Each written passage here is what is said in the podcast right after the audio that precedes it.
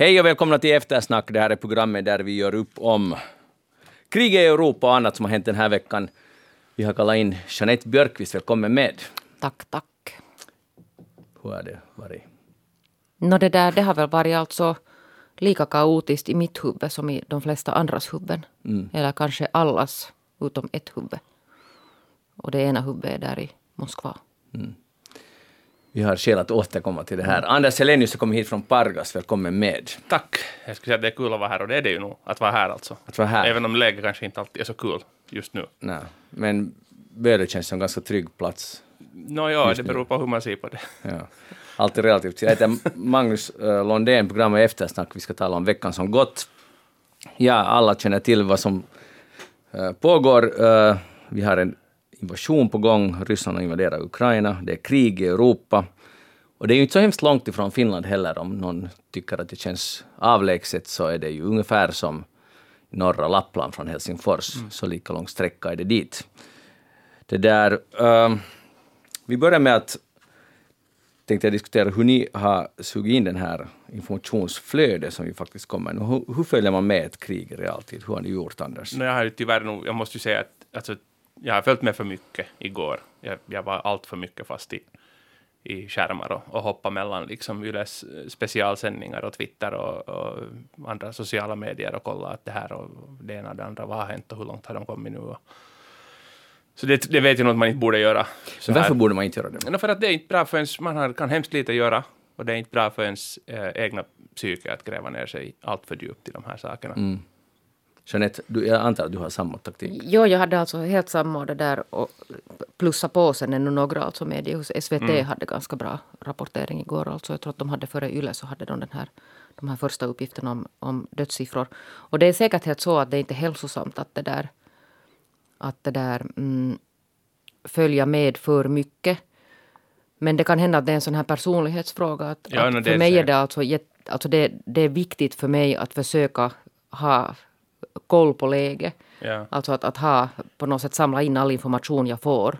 Och, och sen kan man fråga att vad gör jag med det? Inte gör jag liksom någonting med det. Men för mig skapar det liksom någon, sån här, någon slags ramar. Att man försöker ha i alla fall någon översikt av vad det är som pågår.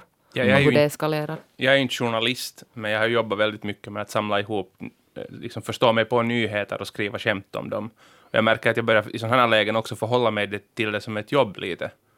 Att det är nu min, det är nu liksom, jag måste nog göra det här nu. Det är liksom på något sätt min plikt att hålla mig uppdaterad och, och liksom veta allt. Men det troligen skulle ju räcka med lite färre uppdateringar. Eller att kolla en gång i timmen kanske, så skulle man ändå...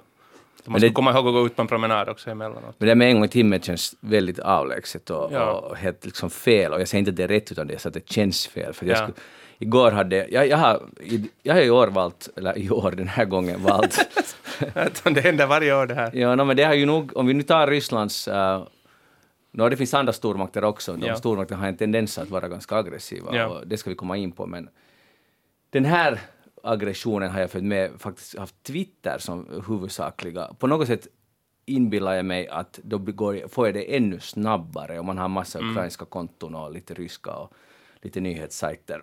det vilket gör det helt galet, för varje gång man har hunnit läsa igenom de nyaste så finns det “There are 57, 56 Ja, more ja. tweets” och så klickar man på det och sen och man mår nog, jag vet inte heller om man mår så bra av det, men man får någon sorts koll på det, men det är väldigt fragmentariskt och sen Ja. när man inte vet vad stämmer och vad, vad stämmer inte. Ja. Men jag har försökt analysera beteende och jag tror att jag gjorde, gör det av en orsak, det är att jag hoppas så innerligt på en god nyhet. Mm. Att det kommer någonstans kommer att nu, nu är det slut, nu, nu, nu, visar, nu har det visat sig att de har dragit sig tillbaka. Men man Ja. liksom, och hoppas, hoppas som en drog, hoppas liksom, nu, nu kommer det någon vändning där. Men det blir bara värre och värre. Ja, det brukar väl vara så i krig ofta. Krig brukar det vara så. Ja. Tills det någon gång blir bättre, det, är ju, det måste man kanske också tänka. Men att när den där vändningen kommer så det är ju svårt att förutspå. ändå. Nu är det ju helt akut läge. Mm. Men där är ju många, mycket falsk information också ute, säkert från båda sidor. Och, och det där. Så det är ganska svårt att navigera sig där i. Mm. Och det är då man kommer gärna se på etablerade medier istället för Twitterkonton som man aldrig förut har följt, som man plötsligt börjar följa. Ja, sen eh, jag vet inte om ni är, har ni följt med TikTok? Nej, det har jag inte, men jag vet det är samma. Där är ganska mycket, för den baserar sig ganska mycket på att man ska göra sån här mindless scrolling, det vill säga att man ska bara sitta och klicka vidare, nästa, nästa video, nästa video, nästa video. Och det leder till det att, att det som den plattformen har annars varit, det har bara varit trams som den har föreslagit åt mig till de här liksom, feed-videorna.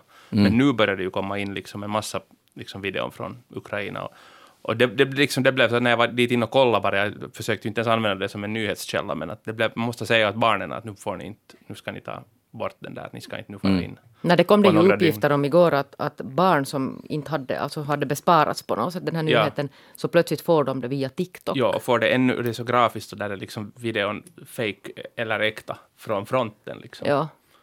Så det, det är ganska liksom, ja. Det finns ju otroligt mycket klipp och sen när en del av dem är falska så blir det så, så råddigt alltsammans. Och oberoende, fast de inte skulle vara falska, så, så på TikTok finns barn som inte alltså är i den åldern att de ska konfronteras Absolut. med sånt här material. Ja. No, det finns det på, all, mm. på nätet. Men bara som ett symptom på det där, för igår var det den här demonstrationen i Helsingfors, så det betyder då att uh, eftersom jag är en sån här som inte har smartphone, så betyder det att jag måste fatta det beslutet att lämna mitt uh, vardagsrum och Twitter därhen och vara några timmar borta från det. Och det till och med gick genom mitt huvud, kan jag göra det här? Alltså förstår ni, jag tänkte att ska jag inte gå och demonstrera och istället på något sätt göra min plikt, som du kallar det, liksom mm. att, att sitta där i soffan och följa med Twitter. Ja. Och då, då inser jag att, att jag håller också på att bli galen. Ja. för, att, för att nu om man gör någon skillnad så är det i alla fall att vara på demonstration. Ja. Alltså det är inte stor skillnad men det är ändå någonting. Så jag valde naturligtvis att gå dit, men menar att, att det faktiskt uh, det var inte så långt ifrån att jag skulle bli där och göra min plikt i soffan. Vilket jag alltså, alltså jag är självkritisk nu. Men jag skulle säga att den här demonstrationen var en fin upplevelse för att det var överraskande mycket människor. Om Man tänker att det är Finland och ännu lever det kvar där att vi är rädda för, för Ryssland och så vidare. Så där var det mycket folk, mycket från Ukraina, mycket från eh, Belarus och förstås massor av finländare. Och det var en ganska sober och behärskad stämning men folk var väldigt arga och mest på något sätt så grep det mig mest förstås alla de som var i Ukraina, men de här belarusierna som funderar på dem, att de, de har röstat, de flesta, eller en majoritet har röstat på en oppositionell, och nu gick det ju inte så som vi vet, många av dem flydde, och nu ser de på, på avstånd hur deras diktator öppnar gränserna. Hej, vill, vill ni anfalla vårt grannland här via oss? Välkomna med. Alltså det måste vara otroligt... I princip säger han att han nu går med, officiellt ja. går med i Putins uh, nya ryska, ja. i nya, Putins nya Ryssland. Det är ju det som Lukasjenko i princip ja. gör. Det är, liksom, det är bara så, för det är ju det som Putin har pratat om, att det är de två han vill ha. De två vill han ha. Åtminstone. Så att det där, uh, alltså det är, så, det är angstigt att se dem. Där var de tappert och, och protesterade, så kanske någon där på ambassaden hörde det där, och det slog mig också att, att det börjar bli ett mönster när man demonstrerar utanför Rysslands ambassad, för att när, när Politovskaja blev mördad, då var jag där. Och sen Litauens självständighet, då var vi inte alls lika många som nu. Då var det här blodbadet utanför TV-stationerna och så vidare. Och sen man tittar på, det, det var det tal om stormakter, just man tittar på, på årtal som Ryssland har invaderat ett grannland. 56, 68, mm. Afghanistan var det nu 79, uh, eh, delvis Polen 81, och nu det här. Att det är ganska deprimerande läsning. Men det kommer vi att återkomma till, för nu har vi faktiskt ett samtal som vi ska ringa till vår man i, eh, i Kiev. Antti Kuronen är förhoppningsvis med oss på tråden. Välkommen med, Antti. Tack, tack. Du befinner dig i Kiev just nu, eller hur? Uh, ja, det gör jag. Jag har varit här och idag har jag varit här i, uh, lite åkt runt i Kiev utkanten av Kiev och sett till exempel de här enorma uh, trafikstockningarna västerut som människor försöker komma bort från Kiev och uh, trafiken står verkligen stilla. Vi fastnade där uh, på en halvtimme när det var som värst. Då kom vi kanske 200 meter framåt. Okej. Okay. Och människor flyr västerut mot Lviv och mot Polen, eller vad är det de gör? Uh, exakt. Lviv mot Polen. Det har varit den här huvudrutten och vad jag har förstått så har det varit väldigt mycket människor också där på polska gränsen. Och sen kan man också åka till, mot Rumänien, vilket en del gör, och Moldavien. Men det där västerut mot Polen är nu huvudrutten. Men uh, samtidigt ska man inse att uh, Kiev till exempel, det är en väldigt stor stad. Där bor närmare tre miljoner människor. Så det, av de tre miljonerna så är det bara en liten, liten del som har uh, åkt iväg. Just det. Hur, är det där, uh, hur bor du själv där? Ja, nu bor jag ganska lyxigt på Hyatt. Det var så att jag bodde på ett annat hotell men när det här ryska anfallet då inleddes så den eh, dagen då så stängdes eh, mitt hotell och många andra hotell och sen alla eh, skickades då till några sådana hotell och det hotellet som jag är i så den har väldigt bra så här säkerhetsarrangemang med bombskydd och varningssystem och sådär. Och, och det var helt en liksom myndigheternas uh, order då att uh, många hotell stängdes och sen människor flyttades då till vissa ställen. Okej, och, och, hur är det ute på gatorna? Du kan röra dig helt fritt där, för det, har, alltså det som man nu ser i flödet här är att det, om inte nu redan så snart pågår gat, regelrätta gatustrider. Är det så där nu? Eh, uh, no, man kan nog gå relativt fritt. Det, uh, nu, det blir tajtare säkert det här läget nu hela tiden. Uh, det som hände, som jag inte själv såg, men det verkar att det var sådana här uh, eh, infiltratörer liksom, från ryska sidan som lyckades ta sig in i Kiev, helt där i centrum också. Och där uh, pågick sen så här små eldstrider. Men det, där, det här själva liksom ryska framryckningen eller anfallet, så den har inte liksom nått ännu Kiev, liksom staden. Okay. No, alltså... det som jag också såg idag faktiskt, så, uh, mycket uh, sådana här ukrainska fordon, militära fordon och, eh, uh, som var på väg in mot Kiev centrum. Att det verkar nu att uh, Ukrainas armé liksom befäster nu försvaret helt av Kiev och liksom Kievs centrum och kanske till och med liksom förbereder sig för stadsstrid.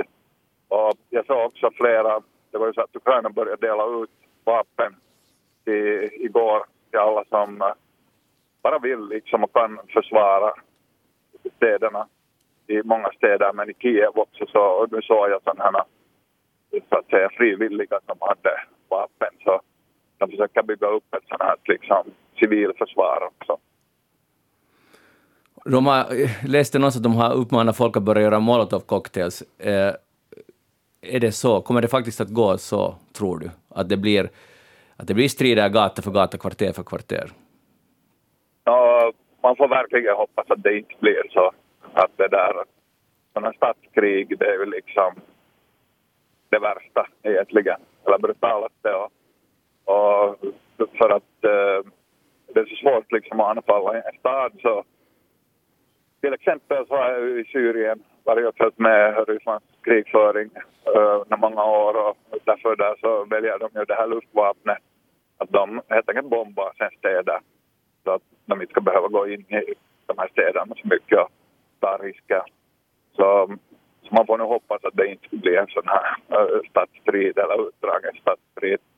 Att det där, och på något sätt, men nu faktiskt måste jag säga personligen att när man såg Putin då i måndags höll det här sitt tal så insåg man ju att han, han, han har nog kanske lämnat verkligheten, så att säga, eller verklighetsuppfattningen. Men känns det ju att det skulle kunna vara ganska svårt att sälja till det ryska folket också att man har någon sån här brutalt statskrig i Kiev som är ändå jätte, nästan helig, en viktig stad för ryssarna. Ja. Ja. Men i den här situationen samtidigt måste jag säga att liksom allt är möjligt. Det här är liksom, det har varit i många konflikter. Det här är, uh, det här är en helt ny situation.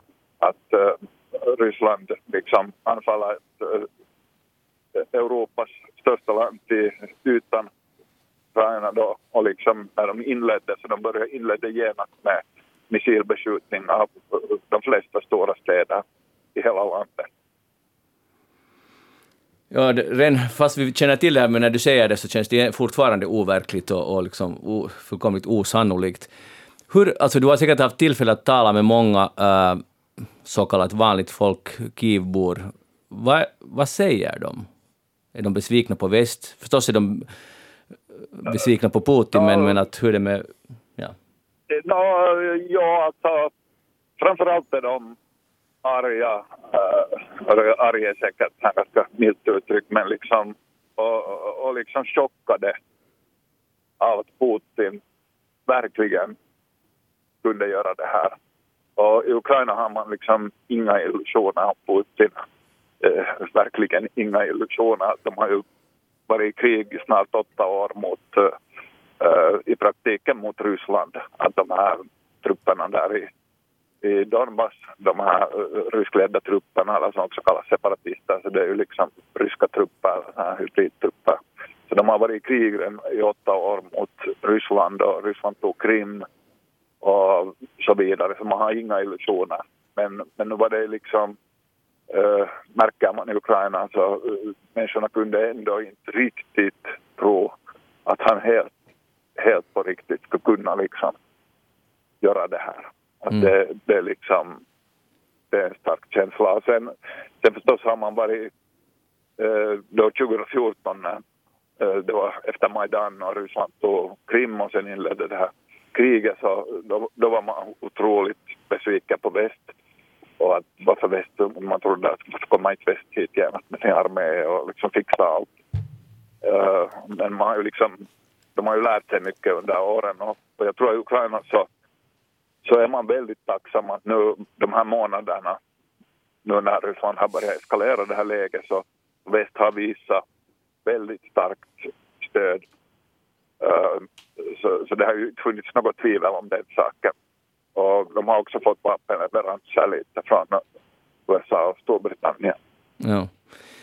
Vad, vad är folks uppfattning och också vad är din uppfattning? Vad kan, för det här tycker jag är en av de stora mysterierna, att vad är Putins, i den mån det finns en, liksom, ett slutmål? Vad kan det vara för, för att, att ockupera ett sådär stort land som du säger, Europas till, störst, till ytan största land? Är inte en lätt uppgift, speciellt om, om de som blir ockuperade. Ja, alltså, alltså det, jag förstår. Vad du... Alltså, alltså, gör det så här nu. I eftersnack så, så ingen aning att, att liksom under de här åtta åren så har Ryssland och det här kriget, så Ukraina har ju fullkomligt förändrats. Att de har ju fått en otroligt stark sån här eh, identitet och självständighetskänsla. Och självständighetsdagen är jätteviktig. Och före Majdan, före 2014 så visste knappt människorna när det är. Och, och Putin är verkligen inte populär i Ukraina. Att de här proryska partierna så får liksom några procent stöd i, i, i val. Så, så hur han liksom... Jag antar att hans plan är att liksom uh, få någon slags sån här uh, välvillig regering dit någon sån här puppet regime liksom.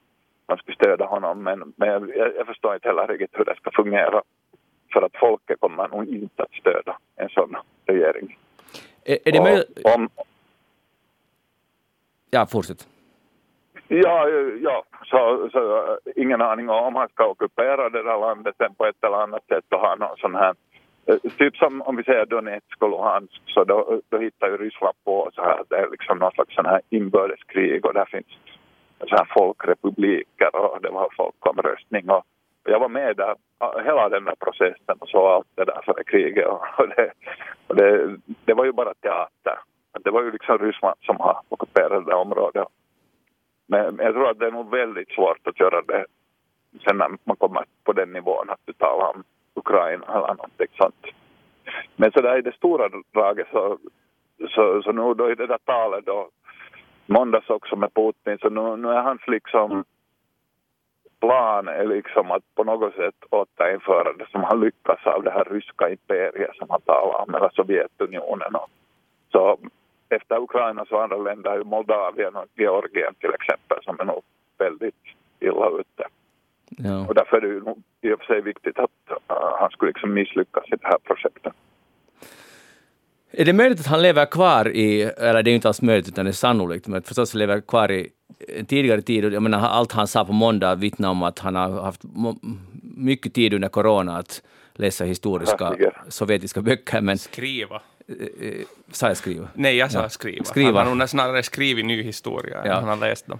Men är det möjligt att också när det gäller konkret när det gäller Ukraina, att han, han inbillar sig att, att, det, att det är som tiden före Majdan, före 2014, att, att då det ändå fanns ett kan man inte säga att Ukraina var ganska splittrat då, men att det är, som du just sa, det är helt annat Ukraina idag än vad det var då? Det, det är det verkligen. att eh, då för eh, 2014 då på våren då när allt liksom började, då började så, så i östra Ukraina så en stor del av befolkningen tittade bara på Rysslands TV och, och ryska nyheterna var minst lika aggressiva som de är nu gällande Ukraina, kanske ännu mer. Och så, så, så det var ett totalt uh, annan liksom värld. Och man kan ju säga att, att Putin förlorar ju Ukraina just i och med att han tog Krim och inledde det här kriget. Att det där, och det, det, han, han vet ju det själv, att han har förlorat liksom ukrainarnas själ. Mm. Tro, alltså nu, vi vet ju att det finns väldigt starka vänskapsband mellan folk liksom i Ryssland och Ukraina. Det, jag menar, länge har det inte ens funnits någon gräns där. Uh, tror du det är så att ukrainare nu ringer till sina vänner i Ryssland, släktingar och vänner och businesspartners och gamla flickvänner och säger att vad håller ni på med? Är det, pågår det en sån kommunikation? Uh, bra fråga, bra fråga. Nu, nu, tror jag det. Jag tror nog det. Uh, nu, nu, jag, liksom, jag har nog faktiskt otroligt svårt att tro att, att ryska folket skulle stödja den här liksom, militäroperationen. Mm. Alltså fast propagandan är otroligt stark där. Men, men på något sätt när det, det börjar sen komma via liksom släktingar och annat, lite information så. Men, men det, det är nog en väldigt bra fråga. Ja. Okej, du ska... jag har något så, jag, jag sista kommentar, jag såg faktiskt det här Zelensky hade, Ukrainas president, det var ett intressant, han hade, när Putin hade det här extremt aggressiva, förvirrade talet då i måndags så så den här Zelensky hade ett tal som, där han då räckte ut en hand åt vanliga ryssar och sådär just att vi är vänner och allt det här. Och, uh, och det, den tydligen nog spred sig i viss mån i Ryssland. Okay. han gjorde liksom motsatsen. ja, man kan ju nog alltså ganska lätt komma till, till vem, vem så att säga mådde bättre och vem uh, hade en lite mänskligare inställning till världen och till omvärlden, om vi tar Putin mot Zelensky just den där måndagen och under hela perioden. Så att det, det visar mycket. Men, uh, en fråga till dig, Antti Kuronen, som är här med från Kiev. Hur länge kommer du att vara där ännu? Vet du alls det själv? Äh, uh, nej, jag vet inte säkert här, men vi har nog lite olika planer här nu gällande hur, hur det ska gå vidare. Att, uh, möjligtvis så förflyttar jag mig till något annat ställe i Ukraina. Okej. Okay. Till uh, västerut. Ja, jag förstår det. det där, vi får se. Är du, ja. är du, får man fråga så här av en utrikeskorrespondent, men är du rädd själv? Uh, no, nej, inte, inte på det sättet hittills har det inte varit så illa. Att, som sagt, där i det där hotellet just där är jättebra sån här säkerhetsarrangemang och där var utexpert kom då alarm fem i morse och så sprang vi ner till det här äh, bombskyttet och, att, äh, och, de, och de liksom de här missilerna så ingen, ingen träffar där i centrum liksom på det stens i närheten. Okay. Men, men nu är det ju liksom otroligt oberäknelig liksom situation att uh, därför funderar vi också på olika alternativ. Att, att uh, det här, det här är liksom, ett sånt krig har vi inte haft i Europa på väldigt, väldigt länge. Ja. Det ska du veta att många, om man läser Twitter, så det är många som hyllar just uh, public service som YLE, SVT, BBC och så vidare, och alla som ger information från fältet och, och försöker förmedla korrekt information, så vi, vi tackar för det. Okej, okay, fint. och det där. Ha det bra, sköt om dig. Ja. Tack och hej. Ja, det var Antti Kuronen ja. som var med från Kiev i, i det där i Ukraina. Vad fick ni för känsla när ni lyssnade på honom? Oh, det är nog alltså det där... Alltså det är ju helt surrealistiskt att tänka liksom vad det är som har hänt där mm. och vad som pågår. Jag tycker att det som han tog upp som jag ville att vi skulle diskutera där, ni har säkert tittat på Putin då i måndags, mm. uh, och jag, hela hans tal. Uh, det var bland det värsta jag tycker att man någonsin har sett om man tänker att det är i realtid, vi har alla sett Hitlers tal i, efteråt, men, men att man så, att så, här, så här resonerar han. Och helt enkelt, det var han sa i grunden var att Ukraina finns inte som nation och ska inte få finnas. Så att det hade han nu kommit fram till här i sina Ja. studier. Ja. Och sina egna omskrivningar av hur saker har gått till och, och vad som har hört vad och historiskt och det ena och det andra. Så det är ju sönderskjutet alla hans faktan så att säga om, om historia. Så att det är nog otroligt. Och sen det också som jag kan tycka att, att som, som Antti också var inne på, att hur, kan det här, hur går det här igenom faktiskt hemma? Ja. Att går, det, har, har de så sjukt kontroll på den här media, vilket jag ju vet att de har, men har de så bra kontroll på att ingen liksom kollar bullshit så att säga? Men det är man ju inte alls nu, det vet vi ju inte egentligen att är det så att, att går det hemma där på hemmaplan? Eller är det så att han helt enkelt bara nu kör det här med den makt alltså han har? Men det var, det har det kommit fram att det, det är ju inte för att uh, då i samband med 2014 var det en enorm propagandamaskineri med liksom fyrverkeri och fest och, och allt var befriat och så vidare. Det var mera regisserat och nu verkar det inte vara på samma sätt att Putin till, till och med kanske inte ens bryr sig så mycket utan han bara kör på. Och, och nu vet jag ju inte, för jag har inte varit i Ryssland på några år, men att de rapporter som kommer därifrån att privat är människor nu väldigt emot det här, eller i alla fall de man hör om. Förstås inte alla, antagligen inte ens kanske hälften, men, men att det och det är en stor skillnad gentemot tidigare. Där var folk liksom så att säga trodde på allt det som sades. Nu Ja, det, det, skrev ju Anna-Lena Laurén som nu... Ja, hon har skrivit det till exempel. Ja, precis. Så, så där finns ju den enda fröet till hopp här, att, det skulle, att de ska gå ut på gatan. Det är ju många, några modiga som har gjort det redan, de blir arresterade direkt, de blir misshandlade. Så det krävs enormt mod. Jag menar, eh, men att, att det skulle bli så många och det skulle bli så starkt att de skulle måste reagera på det. Nu har det ju skett, jag menar den här militärkuppen, var det nu 91, så var det ju faktiskt mycket folk ute på gatan och stoppade. Det var Jeltsin också, men, men, att, men det är kanske inte helt jämförbart. Men att, alltså det är det enda jag kan se här. För att sanktioner i all ära, vi måste göra allt vi kan. Jag menar, alla de här grejerna som nu har kommit, Eurovisionen, Uefa, vad heter det, Champions League-final, det är helt självklara saker. Jag tycker att man inte ens borde snacka om det, men det gick nog ganska snabbt faktiskt. Sen det här Swift, eventuellt om det skulle bli, men där bromsade Tyskland och Italien och så vidare. Men att alla de sakerna tycker jag är det minsta man kan göra. Men, men i, slutändan så tror jag det enda så att det måste ske inifrån. Absolut. Det är ju, det, I och med att han åtminstone väldigt starkt vill måla upp en bild av sig som galen och oberäknelig, och, oberäknelig och en som kan göra precis vad som helst. Eller vill han, jag är inte säker på att han vill alltså måla upp sig som, som galen och oberäknelig. Utan jag tror nog att han definierar sig som något annat. Att, att han Ja, ser sig på något sätt som, som så...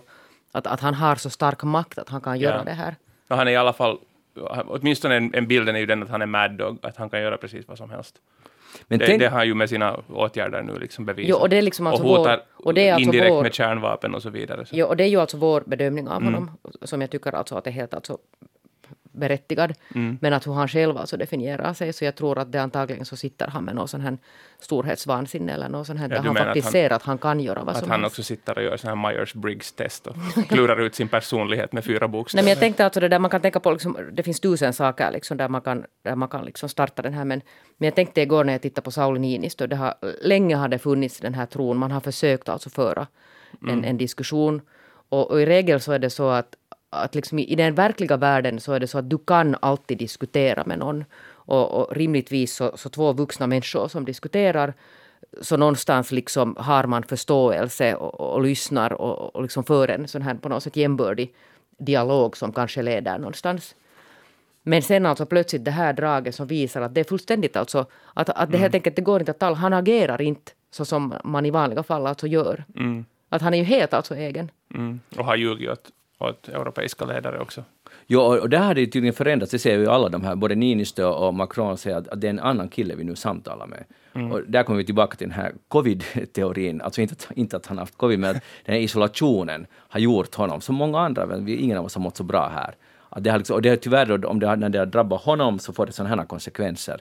Och han känner sig säkert provocerad av att Ukraina ens överväger ett NATO-medlemskap. Han tycker säkert genuint att det är fel. Jag menar att, att, att vi, de är ju vårt brödrafolk, att hur kan de gå med, tänka sig ens att gå ner med Men NATO? han som är en man som har, då, åtminstone påstår själv att han har läst historia då, väldigt mycket och understryker det i sina tal och så vidare. Att han är, så har han, inte- han kollar upp det här att hur det brukar sluta för krigsförande diktatorer. de slutar alltid i ett fucking dike någonstans. Mm. Gaddafi, Hussein, Hitler, alla, det slutar alltid så. Mussolini. Mussolini, Samtliga- det, det, finns ingen, det finns ingen annan utväg. Men samtliga har säkert trott att de kommer att vara den som inte slutar. Ja, så. Så är det. Och jag tror att det, du har väldigt rätt, alla de där som du- vi just Ja. listade har nog varit ganska i hybris. ja. Och det är ju där han är också nu, ja. att han är utvald. Men det, som, jag hoppas att Anna-Lena Laurén, som vars rubriken på artikeln var, var att det här är slutet på, för Putin. Ja. För, till och med, det finns ju andra som spekulerar till och med att Ryssland skulle falla samman. Det består ju ändå av eh, 22 republiker, att Jakutien och alla så här får nog att de, det här är inte vårt krig, vi vill ut från det här. Det ska vara en helt hisnande utveckling. det kan vara det, någonstans- inte vet jag om det är en bra lösning heller, men att det kan också vara det som man alltid måste vara försiktig med, att vi har så mycket önsketänkande också hur vi skulle vilja att det skulle gå i Ryssland. Det är mycket vi inte förstår, för vi bor inte där. Mm. Ja, och sen är det lite det här att vilken väg man än tar så, så, så det, är inte alltså, det är inga fredliga snabba lösningar någonstans åt något håll vart man än tittar att den här utvecklingen går. Att, att det, det är kaos och katastrofer. Men om det skulle bli alltså, om de här, för det kan ju inte hålla på hur länge som helst, om de skulle bli mångfalt fler som drar ut på gatan. Alltså vi talar om, vi ska sen komma ihåg att i Belarus lyckades det inte det fast de var väldigt många, men det skulle bli otroligt många ut på gatorna i Moskva, Petersburg och alla andra städer. Ja, och det kräver mod för att som Anna-Lena skrev så, Ja. så det är läge alltså för tillfället så att de vågar inte alltså, alltså det är farligt att det där ens förekomma i, i utländsk media för tillfället om Ja. man är rysk Och medborgare de, och, de var försöker ju protestera. förberedda på det här alltså. Man följde med, eller följer An- Anna-Lena på Twitter just och hon rapporterar hur det liksom, så fort någon bara Vecklar ut någonting. lyfter en liten lapp upp så var de bara liksom beredda på det här. De har, de har räknat med att hej, vårt eget folk kommer att Alltså det kommer att finnas opposition som kommer att stiga emot det här. Men hur Och det sjukt samhälle är inte det? Det är helt sjukt sjukt samhälle. Men det är ju på något sätt så där man kan sitta sen och vara efterklok.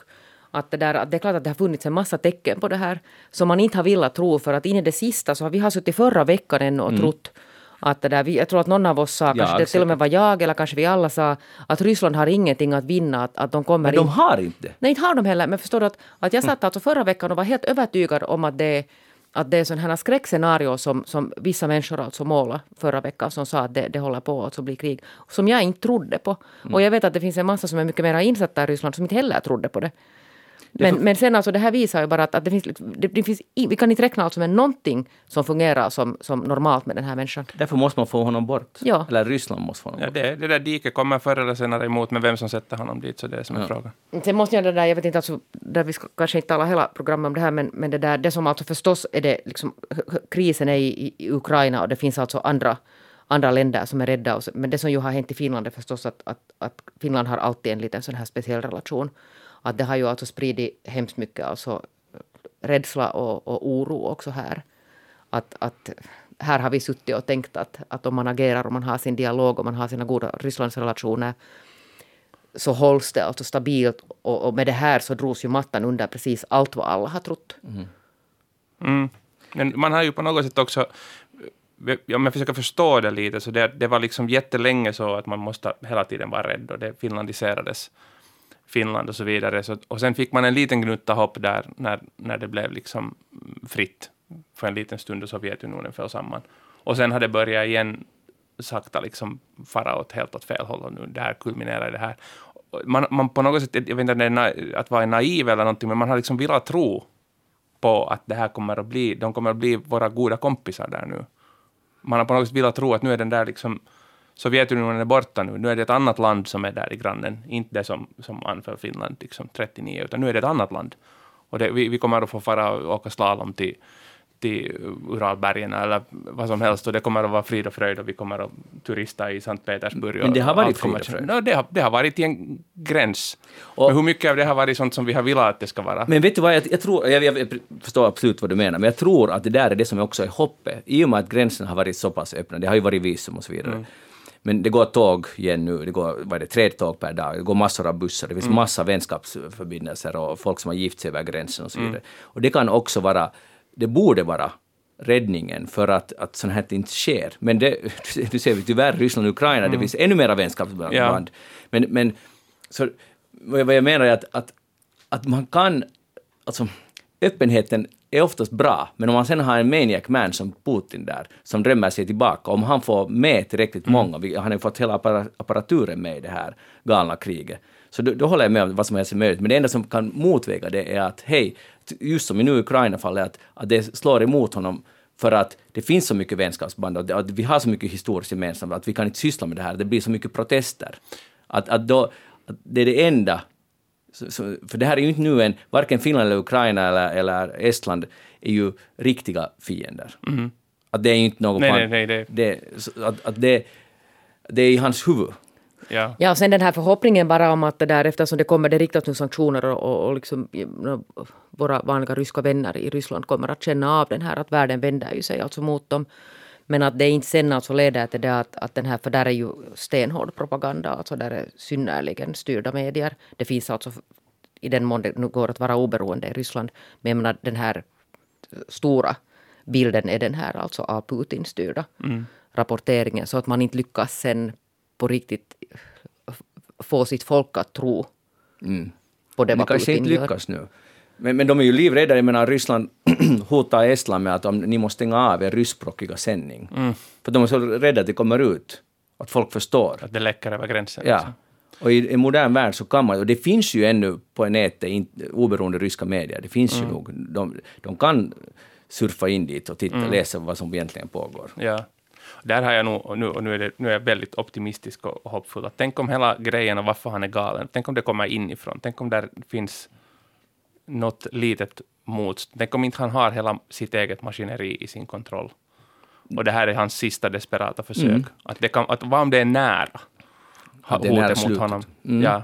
Ja, det finns något sånt. Ja. Ja. Och kommer det, och det är ihåg, liksom det, det jag hoppas mest på, för det skulle ju absolut vara det som skulle Jag känner bara på något sätt snabbast. att det brådskar för att när han börjar, när han börjar vifta med sina kärnvapen Mm. så då önskar man att det här ska ta slut jättesnabbt. jättesnabbt, men kom ihåg att han, hur han liksom befäste sig som premiärminister 99 var med att spränga upp bostadshus för att starta ett krig mot Tjetjenien, det, an, det andra kriget. Det, var så, det, så, det är hans stil. Och nu gör han något liknande. Alltså ett, ett krig, det är det hans väg ut. Och som Navalny påpekade i en 16 tweet långa eh, tweet så var det att, att det här är hans sätt att få uppmärksamheten bort från Ryssland. På att det inte går så bra i Ryssland. Att, att, och att det här är vansinne. Och jag, en, en sista sak som, som ju lite är gemensamt för stormakter är det här att man vill sprida sitt glädjebudskap inom situationstecken. Alltid med militära medel, genom att invadera. Att ni ska nu fan tycka om oss. Alltså att just när man skickar in trupper, vi tar då, som jag sa, de här årtalen 56, 68, 81 och så vidare, och nu det här. Att, det, så- att man tror på riktigt, så här börjar de nog, så här befäster vi liksom Man vår ställning. bombar fram alltså t- lydnad och, och Ja. kärlek och trofasthet. Ja. Och USA har ju också sysslat med det här, och nu, men nu är det Ryssland som sysslar med det. Att man, att, jag kan inte förstå den här logiken. Alltså jag förstår logiken, maktlogiken, men i längden håller det ändå inte. Och alla de här exemplen, så i längden höll det inte. Och som du sa, Anders, och vi hoppas det där slutar, så det slutar i diket.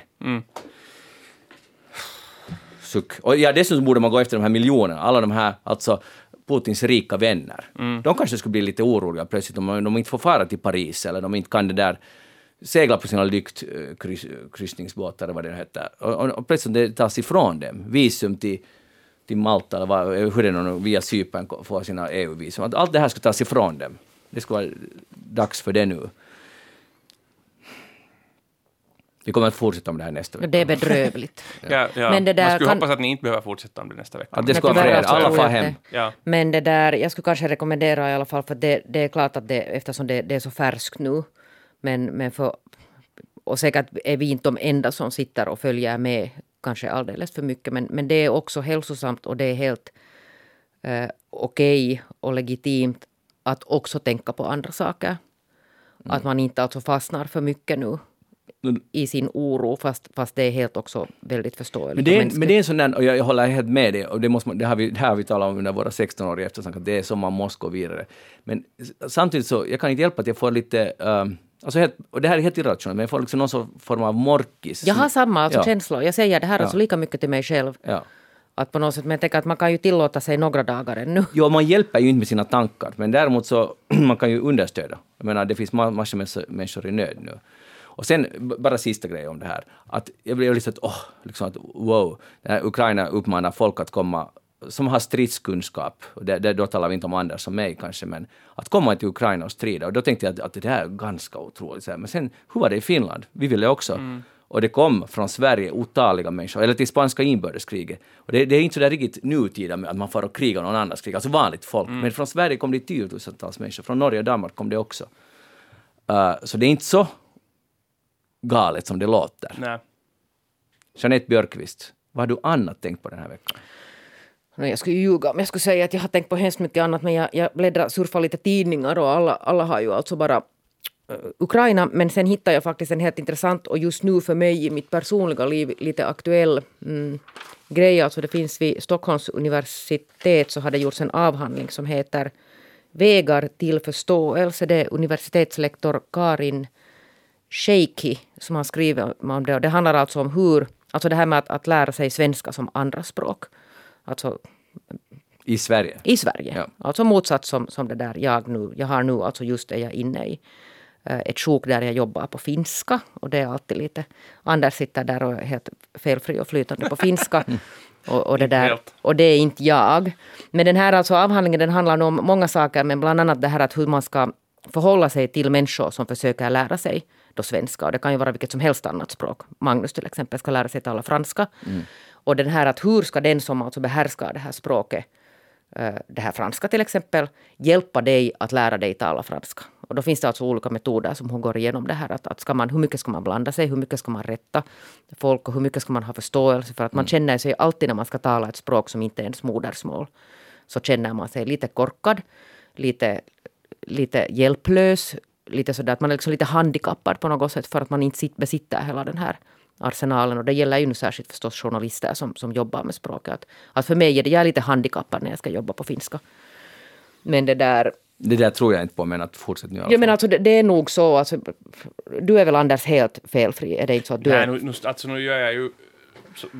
Snubblar jag ju på ord på finska men också. behöver du ha någon som till exempel korrläser dina manus? För att jag, jag behöver ju någon ja, som... vi var, när, när jag har gjort TV till exempel på finska så nu var vi ju flera som läst och skrev manuset och det rättades mina, mina de, saker som jag har skrivit och, som, och skulle säga så rättades det till och, och sen också saker som jag uttalar kanske.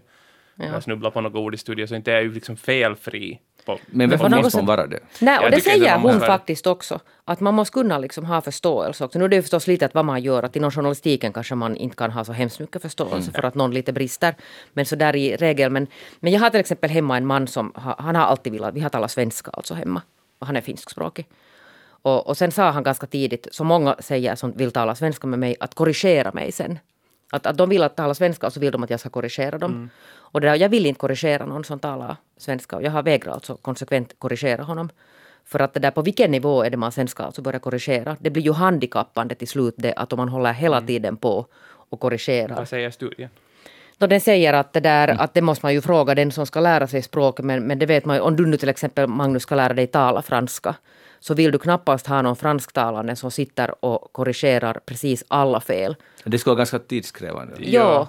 För att det är på något sätt liksom där i början när man börjar tala språk så måste man ju man måste tillåta att den andra är hjälplös och gör en massa fel och sen på något sätt få igång den här verbala kommunikationen innan man sen börjar gå om någon faktiskt vill bli korrigerad. Jag tror ju inte själv att, att jag blir... Min finska blir inte bättre av att människor håller på att korrigera mitt tal till exempel. Men jag undrar om det stämmer. Alltså jag menar, alltså det är också hur man tar emot det, för att äh, äh, nu när jag då har den här franska äh, kampanjen så, så pratar jag då, upprepar ju franska fraser där hemifrån via den här appen. Och då hör ju hela familjen, för, för jag har hörlurar men jag måste ju tala ut, förstår ni? Ja. Så, så att alla hör mig tala franska. Och då muttrar min fru ganska ofta där hur man borde uttala olika saker. Och i början blev jag väldigt irriterad på det här, alltså kränkt helt enkelt. Men nu har jag börjat uppskatta det för att hon hon liksom, för den här appen är väldigt, väldigt uh, förlåtande, den godkänner vad man säger nästan. Ah. så, så då är det bra om hon väser där från soffan hur jag borde ha sagt det. Och, och, och igen, att det här är allt hur man själv tar det. Det är inte... Pratar hon franska eller hon bara en Nej, nej, hon är bara, hon är kanske Vet ni, om, om jag är på nivå 0,5 så hon Ja. är på 1,5 Aha, kanske. okej. Men bättre än jag, Ja. bäst i familjen. Ja. Så att det där, hon har på det stället all orsak. Eller ska jag säga. Men i alla fall, så att, att, jag, vad jag ska säga, det, att det är helt hur man själv tar det. Så att om man har Men det är säkert attityd... också vilken, vilken nivå man alltså befinner sig på språk. För jag, är, jag är ganska bra på finska. Och det där, sen gör jag fel. Och alltså de felen jag gör på finska, så det är sådana som jag kommer aldrig att lära mig. Ja. Till exempel det här med, med vad heter de här objekt, ostan hattua, ostan hatun. hur mycket jag än alltså vet det här så kommer jag aldrig att lära. Jag kommer aldrig alltså att få ett, ett öra för hur de här alltså går till. Det är helt enkelt, det finns vissa alltså helt Men hur är det? Kan inte du Anders berätta? Nej men det beror ju på vad det är man gör. Att köper du den här hatten eller ska Eller du köpa en hatt hatt överlag? Och det är alltså för mig helt obegripligt. Ja, ja, jag håller verkligen med dig. Så det där, och där blir jag inte gladare av att någon håller på och säger varje gång jag gör det här felet så säger någon, för jag kommer ändå inte att veta nästa Mm. gång jag säger någonting, så kommer jag igen inte att komma ihåg det här. Och det är liksom, jag har nu på något sätt godkänt. Men vet du vad? Det finns en lösning. För att jag läste just, eh, jag hade faktiskt tänkt ta upp det här, här Zuckerberg i Facebook, i Meta, förlåt. Han har nu haft någon sån här stor show den här veckan och, och, och vi ska alla leva i den här virtuella verkligheten då. Om vi kan ha möten och vi vet allt det här, vi kan spela och, och ha skoj tillsammans och vi behöver inte träffas så här fysiskt. Och det nya, eller en ny grej är att, allt, att nu kan vi träffas från hela världen. För den översätter simultant, den här själva, vad ska vi kalla det, appen eller Alltså man behöver aldrig lära sig något annat Nej, språk menar just det. Man, exakt. Man Aldrig lära- träffa människor, aldrig lära sig någon annans Nej, språk. det, var, det, var, det, det är en framtid Zuckerberg. Vi, Jo. vi fortsätter tala finlandssvenska och alla andra får tala vad de vill och, och, och sen förstår vi ändå varandra. Men Zuckerberg en bättre hörde- värld. Nu var det alltså så att jag läste någonstans, nu läste jag tyvärr inte hela artikeln, men jag tror att det var SVTs reporter, eller någon svensk reporter, hade alltså testat leva i den här Zuckerbergska, den här Metaverse. parallell metavärlden, i två dygn. Gått med någon sån här VR-glasögon. och, och, och konklusionen av det här är att man mår inte jättebra sen. Nej. Men man, är ju förstår. Man är ju en timme på Twitter så mår man dåligt. Ja. Jag ska sätta det helt fast i ögonen sen ännu. Men, men eh, tilltalas inte alls av det här att, att man ska kunna resa och man pratar ut i luften och alla Nej. förstår vad man Nej, säger. men vi- jag hör ju till de som tycker att, att när jag, jag läste tyska senast i högstadiet, jag läste, inte, jag, jag, jag läste en kurs i gymnasiet tror jag, det här började ju nu då vara liksom snart, inte nu 30 år sedan, men 25 år sedan. Och när jag var i, för några år sedan i Köln och vi missade något tåg eller hamnade på fel tåg och skulle ta oss till flygfältet och vi inte hittade, så, så jag tyckte ju att det var helt jättehäftigt att bara kunna gå med den ur, usla tyskan också och gå och prata med någon. Och jag tycker att det kändes ju cool, mera cool än att om jag skulle bara ha pratat svenska med tågkonduktören och han skulle ha berättat åt mig tillbaks på svenska. Det skulle ha varit tråkigt. Ja, den Istället stod jag där och så var vi, de Zug und fahren zu äh, fl, flug, flug, Och sen den Flughof, hjälp- och den Flug- hjälper man ju Och han skrattade och jag skrattade och alla hade roligt. Men den hjälpen man ju gärna vill ha om man träffar, då du är i Tyskland och så talar du lite rokottyska. Att, du, att, att någon hjälper dig att hitta de där orden. Ja. Att man får på något sätt bygga upp sin vokabulär. Den Ja. hjälpen tar jag ju gärna emot. Att man tappar bort ord och så kan någon som kan det här språket och så säger att det hette nu vad det nu sen hette. Ja, och dessutom om det här. Zuckerbergs äh, verklighet skulle bli verklighet, eller vad det nu är, virtuell verklighet, så då skulle jag inte heller ha den här ähm, lyxen av att jag håller ju på att kämpa fortfarande med La Diligence, min Luc- Lucky Luke-äventyr på franska. Och nu jag, jag har kommit kanske 40 sidor framåt, jag läser varje kväll några sidor. Jag förstår väldigt lite, men jag förstår en del. Och, och det, är det är faktiskt ganska roligt att försöka gissa sig till vad, vad de här typerna säger och, och småningom komma lite närmare. Och nu har jag tänkt att jag läser den färdigt, sen börjar jag på nytt. Läser den om och om igen. Får jag, nu får ni inte avbryta. Jag läser den om och om igen. Och sen har jag dessutom lyssnare Sussi har skickat hit till eftersnack ett album med Tintin eller Tintin på franska. Så det blir nästa projekt. Stort tack till Sussi, jag vet inte vem du är, men det var väldigt snällt att värna om mina franska kunskaper på det där sättet. Du ska skriva studenten på franska. Jo, det kommer inte att lyckas. För jag gick Nej, men när är det alltså? Jag hoppas du inte skulle fråga. För jag var och tittade på det där och jag räknade ut att jag skulle bli underkänd idag. Ja, men när är den här skrivningen? Jag vet inte. Jag vill inte veta, för jag tror att det är för tidigt. Och, det, och jag, jag har lite morkis för att jag känner att vi har lite undervärderat alla de som har studerat franska i 12 år eller hur länge. Och, och så har vi skrutit, har vi läst ett halvt år på, på Duolingo. Inte kommer det att fixa sig. Man Alltså- kan inte gå dit och bli förnedrad. Ja, det, det är bra. Ja. Förnedring är alltid bra. Ja. Bra tack det var det där jag behövde. Jag går dit och blir förnedrad och berättar öppet om förnedring. Ja. Anders, har du något språkprojekt? Eh, nej, jag har nog inte. Jag, har, alltså, jag är väldigt språkpositiv. Jag har inte alls det här att jag skulle skämmas. Speciellt inte med just franska, spanska och tyska som jag har läst väldigt lite och kan väldigt dåligt då. Så jag, jag tycker att det är det bästa som finns att sitta på en restaurang någonstans i Spanien och, och bräka på någonting. Och, och jag tycker att alla har bara roligt när det är Jag beundrar dig. Alla, det, är det är positivt för alla inblandade. Att om de blir frustrerade så då är det ju deras problem, men då, då kan vi ju byta till finska eller svenska då. Ja, om inte duger. om inte Ja, duger. ja. Eller engelska som jag också talar bättre än dem, så jag menar vad är det? Rätt inställning, vi måste lära oss av Ja. Anders. Anders, uh, Helenis, vad har du tänkt på den här veckan? Eh, säkert lite, ja, jag har tänkt på första gången. För att nu var det ju faktiskt så att under alla de här eh, hemska nyheterna som har kommit från Ukraina så har det ju också kommit, nu då gick det ju faktiskt så att vi vann OS-guld Ja. på söndag Var det morgon. den här veckan? Ja, det var söndag, så det var en veck- Mm. under en vecka sedan var det faktiskt. Fast det nu kanske just nu känns som att det var väldigt mycket längre sedan. Men, Mm. men det var faktiskt det. Och, och det, som jag, det var ju första gången Finland vann OS-guld. Det har ju aldrig hänt i finska, ho, finsk hockeyhistoria förut. Och jag, jag är inte någon liksom, enorm hockeyfan, men jag var, eh, vad var jag, 13, 14 då när Finland första gången vann hockey-VM 95. Och det var så stort. Jag vet inte om ni minns det här, men då var det Ja. liksom folk drog, bada i, i, i, vad heter det, på Sergels torg och, och det sjöngs Den glider in och det var folkfest och så vidare. Och ända sedan dess, sedan den här första gången hände, så har vi försökt upprepa det. Alltså vi har försökt vinna guldet förstås, men man har också försökt upprepa den där exakt samma festen. Och det tycker jag alltid, för varje gång blir det lite mera pinsamt. För de som nu får ut dit till, till Manta-statyn, Havisamanda. Havisamanda-statyn, för att fira, de gjorde inte det där för att de var glada över att Finland hade vunnit, utan det såg ut som att de gjorde det för att det är nu det man ska göra. Och så skulle man kräla där lite extra och klä av sig naken i snöslasket Ja, för att försöka, För det som man gör i Finland. ja, och försöka uppfylla just den här Men, men är ni säkra på de här? Det här är ganska grava anklagelser. Det är en, men man, nu, ser, nu ser man ju det på folk. alltså nu tyvärr, så nu skulle lysa det ju igenom. Men var i- du där? Nej, på TV. Mm. Och det var inte så... Jag lite stämmer in här fast jag inte, faktiskt inte vet här, men det såg inte ut att vara så jättemycket folk. Nej, det, det är klart. Det, det var inte heller så mycket folk som det någon gång har varit. Men, men och, och det här har ju varit samma, tycker jag, eh, när Finland vann då sen andra gången hockey-VM 2011 och sen på nytt då för några år sedan 2019. Så det var lite samma sak. Jag märkte då redan att nu är det liksom, nu försöker vi göra samma sak som vi gjorde spontant då någon gång, men man kan aldrig upp, upprepa någonting som man har gjort spontant, så Det det, enda, känns lika rätta, bra. det enda rätta är nu att Finland får stora framgångar i fotboll och så att man släpper fotbollsfolket löst och firar Ja. sin första gång. lite var det ju faktiskt då när Finland kom med i, i EM, när det Jo, blev klart. Så då, men men då försökte talar man jag- också fira det lite som man firar hockeyn, att man lät inte den heller komma helt men- naturligt. Men, men, men man kan- man kan också se det på det som ett positiv sak, att det här visar ju att Finland har gått framåt. Jo, alltså i absolut. hockey. Att, att det, det är inte mer så hysteriskt otroligt. För det där guldet var ju, alla kommer ihåg det. Så Ja, det, ja. det var ju stort så att säga på riktigt. Jo, jo, det pratas ju om att det vände lamman, liksom, att det var så, Ja. så otroligt Ja, stor sant. grej.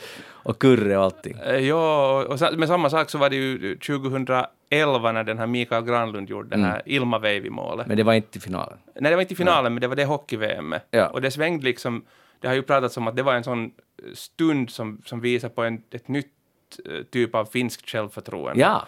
Ja. som inte har funnits dittills. Ja. Och nu, nu har alla de här liksom stora grejerna hände då i hockeyn som, som revolutionerar vår liksom tankesätt. Och nu kom det inte riktigt något sånt den här gången. Men det som tog ifrån för mig det här OS, alltså det var ju jättefint, men jag såg inte den här matchen just för att man måste, jag var på landet och man måste väl ha någon Discovery eller vad Ja, det eller var. TV. Ja. Ja, ja, eller en riktig TV, ja, men det hade vi inte. Men i alla fall att, ehm, att det var ju inte OS, alltså det var, det var inte NHL-gänget var inte med där. Nej. Det upplevdes som lite B-OS. Och det här blir ju många sura på för att OS är alltid OS. Men så, så den inställningen hade jag. För jag hade spetsat mig på det där fantastiska OS med alla de bästa. Nu avgörs det vem är bäst och då skulle jag ha varit fastklistrad vid TVn. Så, men får jag, jag har en ganska viktig sak jag vill ta upp här nu till sist. När jag var i Pargas och promenerade här under sportlovet, Ja eller det vill säga min fru var och promenerade längs isen, så kom hon tillbaka och sa titta vad jag hittade. Och nu tar jag fram det här, det är en, en äh, laminerad plastlapp och två söndriga ballonger. Och, och den hade hängt, hängde i ett träd där vid stranden. Och så står det Hallå, ich bin Mattias. Och så fortsätter på tyska att, man, att jag blir glad om ni skickar ett brev till mig. Och Mattias bor då i Pettenbach i Österrike. Hast du mir gesehen? Ja, och här är två mycket slitna ballonger som har tysk text på sig. Och nu är frågan till eftersnackspanel. Kan det här vara sant? Har den här ballongen flugit från Pettenbach till Lemlax Men vet du vad, det kan Alltså, finnas... det känns ju ganska omöjligt. Nej, nej, nej, nej, men jag Ja. har svar på det här. Det är Ja. förstås alltså så, vad hette den här jappen? Mattias. Mattias. Det är förstås så att Mattias har varit på besök Jo, jag vet. i Finland. Men det är just det här jag frågar. Han har varit på Chimito och så har den flugit över Ja. fjärden. Men han har ju fixat ihop det där projektet ändå. Jo, jo, och det är tyska ballonger. Han faktiskt släpar... Här, här är det några reklamballonger. Här står... Det är någon bank i Tyskland. Han faktiskt släpar hemifrån o, alltså ballonger i en Grävt fram påse. helium i Chimito någonstans. Jag tror inte det. Jag tror att det där... Du tror att det har kommit från Österrike? Och jag googlade det här. Och det här vill jag att lyssnarna också ska tycka till. Att hur långt kan en heliumballong förflytta sig? Alltså jag tycker att det var jättebra att vi ringde till Antti Kuronen i, i, i Kiev idag, Ja. i den här sändningen. Men, men vi borde, det skulle nog ha varit kul om vi skulle haft tid att ringa till Tyskland också. Jag ser nu att och du ska kunna tala tyska dessutom intervjua Ja. Mattias på tyska. Ja, förstås. Jag kan ge sen en sån här... Det här är alltså inte en vuxen Nej, det är en typ åttaårig pojke. Ja, kanske lite det där... Nå, någonting mellan 8 och 10. Pojkar har väl lite sämre handstil. Ja, uh, no, alltså, för jag, jag googlade det här, det här och till Quora som man får svar på alla frågor. Där var det någon som hade frågat hur långt far en ballong? Och där var det en expert, i alla fall utgav han sig för att vara ballongexpert, som sa att den kan fara upp till 1500 kilometer. Är det sant? Ja. Jag trodde att de far alltså så högt att de, Men det räcker i princip nog, ja. att de spricker alltså. När Ja, om de far för högt så spricker de. Och den var i vattnet. När den hängde på ett träd.